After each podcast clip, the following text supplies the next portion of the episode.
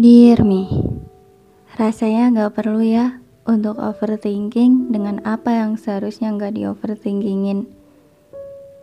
Hidup ini mengalir seperti arus dari hulu ke hilir. Entah ketemu sama batu kek, atau ceklongan kek, atau air terjun sekalipun. Justru dari pertemuan itu yang menghadirkan sosok saya yang baru. Sosok saya yang jauh lebih baik. Ketika saya menabrak batu yang besar, berarti saya sedang berada di sungai yang besar. Dan sebentar lagi saya akan sampai di delta sungai yang mengharuskan saya untuk memilih antara mengikuti arus yang sudah ada atau memilih laut mana yang akan saya bauri.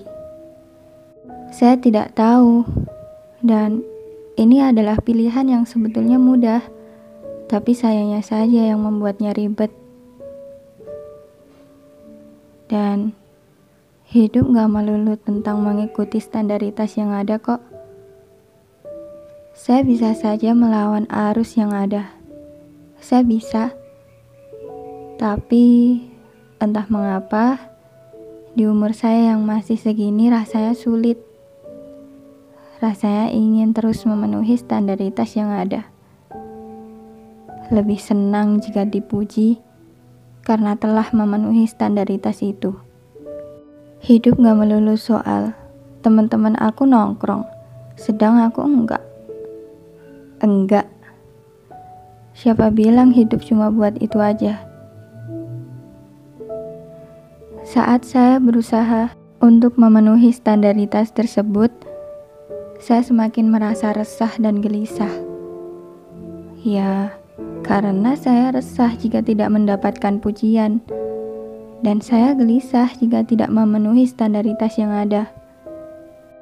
Rasanya, selain itu, saya juga kehilangan sosok saya yang sebelumnya selalu bersama saya.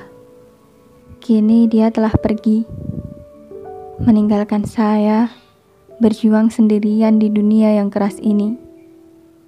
Saya sayang sekali dengan dirinya, tapi saya yang membuatnya pergi dari saya. Saya yang membuat dia kecewa,